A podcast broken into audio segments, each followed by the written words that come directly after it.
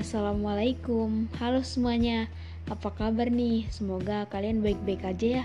Oh iya, kenalin, namaku Yonalita Fevia, biasa dipanggil Yona.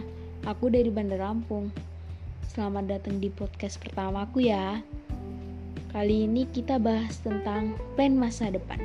Sebelumnya aku mau kasih tahu dulu nih, aku salah satu mahasiswa baru di Institut Teknologi Sumatera atau biasa disebut ITERA. Aku ambil jurusan arsitektur di sana.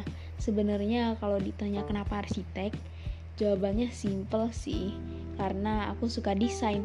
Ya walaupun gak jago-jago banget.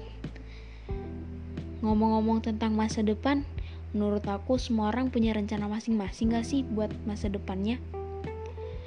Nah, kali ini aku bakal kasih tahu kalian apa aja sih plan masa depan aku. Yang pertama, plan jangka pendek. Untuk sekarang-sekarang ini, aku lagi pengen ningkatin public speaking aku.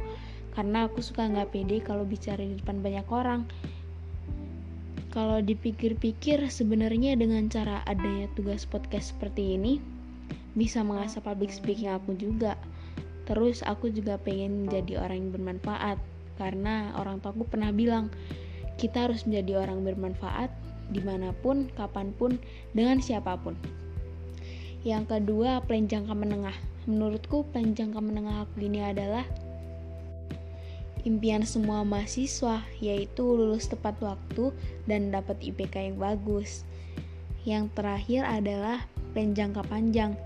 Dalam beberapa tahun ke depan, aku pengen aku udah kerja sesuai bidangku, yaitu arsitektur.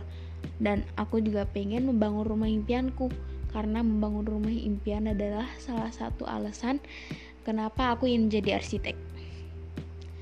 Wah, udah dua menit nih. Nggak kerasa ya, semoga rencana kita buat masa depan nanti tercapai ya teman-teman.